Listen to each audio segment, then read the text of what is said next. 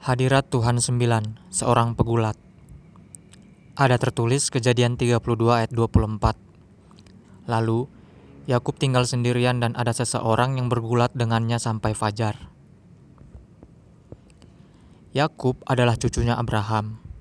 Dia bertemu dan bersentuhan langsung dengan Tuhan saat berkemah di perjalanan, ketika akan pulang kampung menemui Esau kakaknya.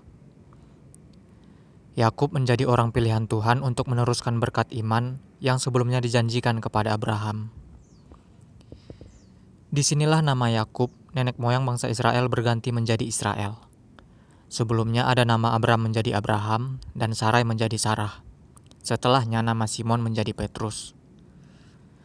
Kenapa Tuhan mengganti nama mereka? Entahlah. Alkitab tak memberitahu alasannya, namun arti nama-nama itu bisa diteliti sebagai dasarnya. Ya suka-suka dia sih mau ganti nama dan lain-lain. Dia kan Tuhan. Termasuk ketika dia menyatakan diri kepada Yakub dengan bergulat sampai pagi. Ketika menulis ini, aku benar-benar tertawa. Kenapa juga mereka bergulat dan sampai pagi? Tuhan juga kalah dan berbuat curang dengan memukul pangkal paha Yakub. Alkitab tak menulis kenapa, dan mungkin Tuhan memang sengaja membuatnya misteri agar para pencari kebenaran menanyakannya sendiri kepadanya ketika di surga. Amin.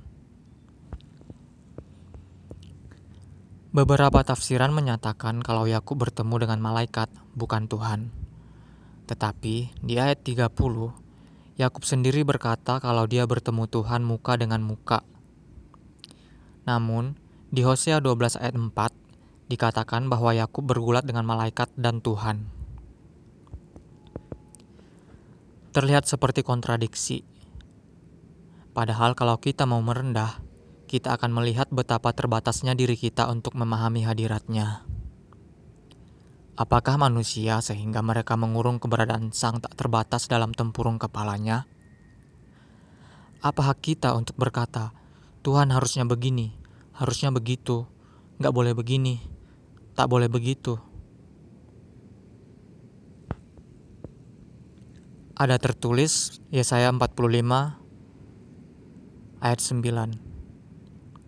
Celakalah orang yang berselisih dengan penciptanya, sekeping tembikar di antara tembikar-tembikar tanah. Apakah tanah liat bertanya kepada tukang periuk, apa yang sedang kamu buat? Atau hasil karyamu berkata, kamu tidak punya tangan.